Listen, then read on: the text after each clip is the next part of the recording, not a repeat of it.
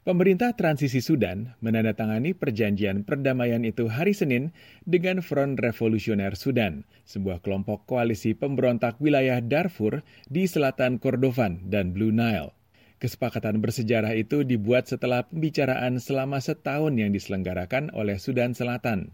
Persetujuan itu memuat pengaturan pembagian kekuasaan, pasukan keamanan yang terpadu, hak-hak atas tanah, dan pengembalian pengungsi dari konflik yang sudah berlangsung bertahun-tahun. Dua faksi pemberontak dalam Gerakan Pembebasan Sudan dan Gerakan Pembebasan Rakyat Sudan Utara menolak untuk ikut serta dalam proses perdamaian itu. Namun juru bicara pemerintah transisi Sudan, Faisal Salih, memuji kesepakatan itu. Ia mengatakan perdamaian adalah yang utama atau prioritas dari 10 masalah yang telah ditentukan oleh pemerintah transisi untuk ditangani.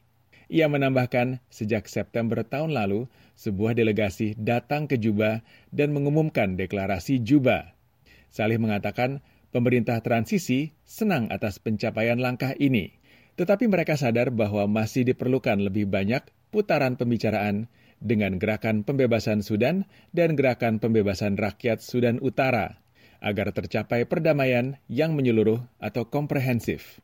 Para pemberontak bertempur dengan pasukan-pasukan yang dikerahkan oleh mantan Presiden Omar al-Bashir yang digulingkan oleh militer pada April 2019 setelah berbulan-bulan protes dan digantikan dengan pemerintah gabungan sipil dan militer.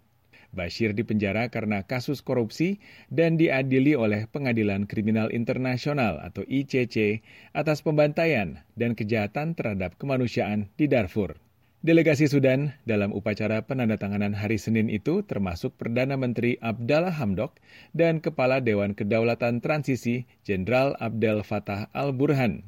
Tetapi kesepakatan itu ditandatangani oleh Komandan Pemberontak Sudan dalam konflik, Muhammad Hamdan Daglo, yang dikenal sebagai Hemeti, yang menurut kelompok HAM melakukan banyak penganiayaan di Darfur. Hemeti dan Burhan juga disalahkan atas serangan terhadap pengunjuk rasa anti-Bashir di Khartoum pada Juni 2019 yang menewaskan lebih dari 120 orang. Untuk Puspita Sariwati, saya Aryono Arifin, VOA.